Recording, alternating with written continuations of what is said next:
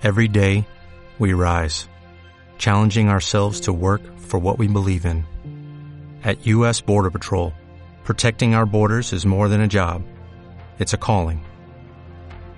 Agents answer the call, working together to keep our country and communities safe. If you're ready for a new mission, join U.S. Border Patrol and go beyond. Learn more at cbp.gov/careers. Zubiri,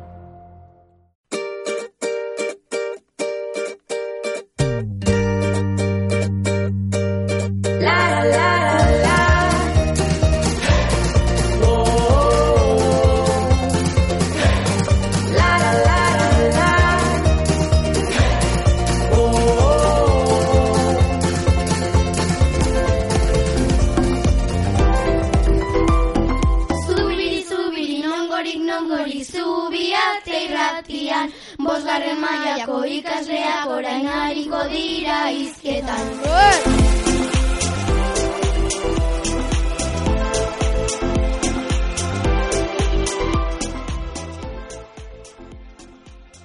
Kaixo, guk bosgarren fekoak gara.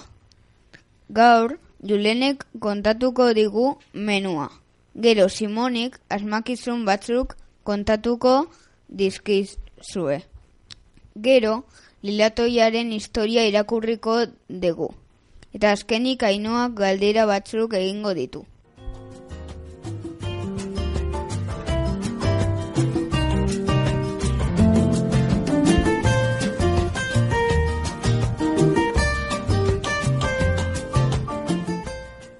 Kaixo, Julene naiz eta gaurko menua kontatuko dizuet. Lehenengo platera da harri sopa, bigarren platera auzolan patata tortilla, eta hirugarren platera jogurra. Ondo jan eta gur.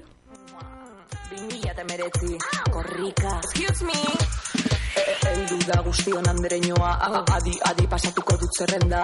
Jesui, mademoiselle, olala, fati, fati den soinua zabaltzen dut mundura. Guztiok bat egitea ezinbestekoa, bakoitzaren nortasuna errespetatzea. Kaixo Simon naiz eta bi asmakizun kontatuko dizkizuet. Kobatik irteten gara, itzultzeko beti. Sama bat bizkarrean, elkarren atzetik. Zer da? Gure ritmora, nire, zure, gure ritmora. Eta orain bigarrena. Igelaren hotza dut, izenaren hasieran. Zapatak egiteko nauketa aurrean, au, aukeran.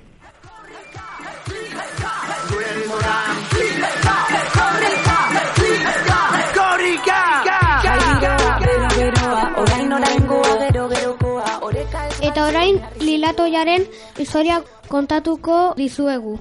Hilatoia hogeita hamar urte betetzen dituen. Urte honetan emakume gutxi batzuen eskutik hasitako probaren historiaren errepaso bat egin dugu.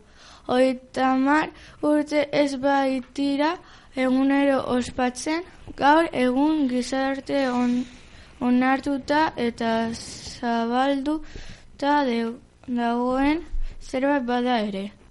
Ez ziren batere errezak izan lilatoiaren lehenengo urtea, jendea ez baitzegoen aituta emakume korrika ikustera eta asko ez zituzten korrikalariak errespetatzen. Mugimendu feministatik sortu zen lilatoia eta helburu argiak genituen kale okupazioa eta emakumeen ikusgarritasuna.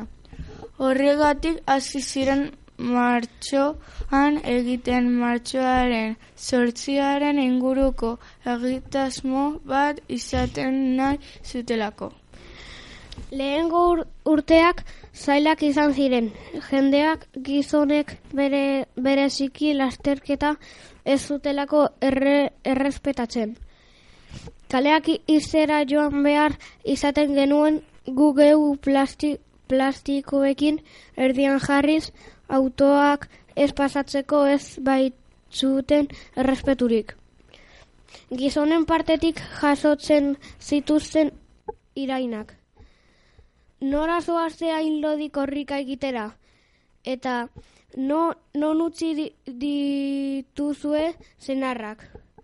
Moduko irainak oiukatzen zizkieten, gainera gizonek irain gisa esa, ah, esaten zuten lilatoia lesbianen lasterketa bat zela.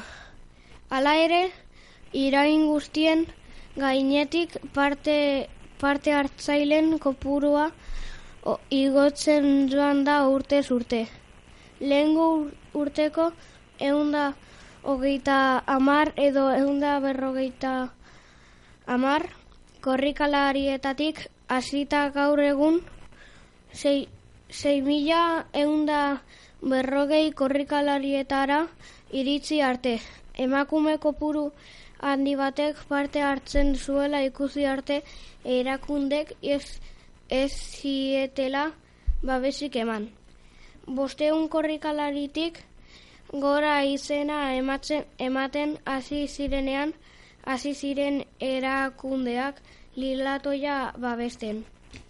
Bestalde, hasieran korrikalari guztiak mili, militate feministak ziren. Aurre, aurre iritzi asko zeudelako, baina gaur egun denetarik dago. Ema, emakume asko kirolariak dira, baina beste asko kerronka moduan jartzen dute lilatoia. Hau da, bost kilometro horiek ondo pasatzeko helburuarekin egiten dituzte. Izan ere, kirolariak ez diren egun, eguneko handi batek ere hartzen du parte. Berezia da lilatoia parte hartzen duten emakume guztientzat eta lasterketa egunen sortzen den giroan antzematen da hori. Lilatoia ez da inoiz usten. Hiru belaunaldi batera korrika egitera iritsi dira. Amona, ama eta laba. Horrek nahi du oso berezia dela, eta ustenez zerbait dela. Berdintasuna lortzeko oraindik lan asko egin behar bada ere. Emakumeen kirola ikusaraztea lortu du lilatoiak. Izan ere emakumeek espazio publikoa hartzen duten egun bakarra da. Kirol asloan behintzat. Erdialdetik semila emakume ikustea izugarria da eta gizonak kalera ateratzera animatzen ditu. Txalotzera edo voluntario gisa parte hartzera. Azkenik, jugua erakundeokoek ere parte hartu dute aurtengo lilatoiak. Antolakuntzak gonbidatuta eta sari berezia jaso dute. Jugua erakundekoek indiako jarkand neskazaritza eremuko amar neska gazte ekarri dituzte donostiara. Hainbat kirol jarduera egin ditzaten. Euren herrialdeko emakumeen egoera aldatzeko tresna gisa kirola erabili desatera da. Erakundearen helburua izan ere emakumeen egoera oso txarra da indiako zonalde horretan. Goiz eskontzera behartzen baitituzte besteak beste. Hauze da gure leloa, popo posiblea da klik aldatzea Elkarren artean konektatzea, pra, pra, praktikatzea Euskara gure artean bizitzea Ez aztu feminismo a berdintasuna da. Da, Gora lilatoia. Gora feminismoa edota berdintasuna.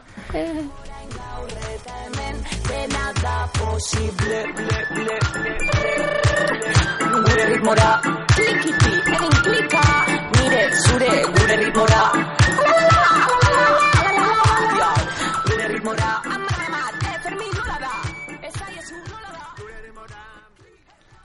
Kaixo, ainoa naiz eta lilatoiaren historiari buruzko galdera batzuk konta, egingo dizkizuet.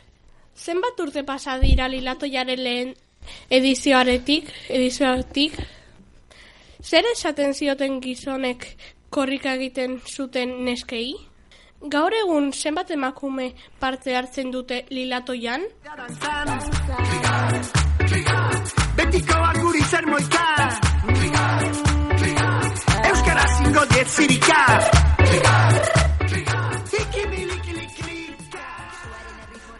Beno, hau izan da guztia. Espero dugu asko gustatzea izana. Gaur eta ondo pasa!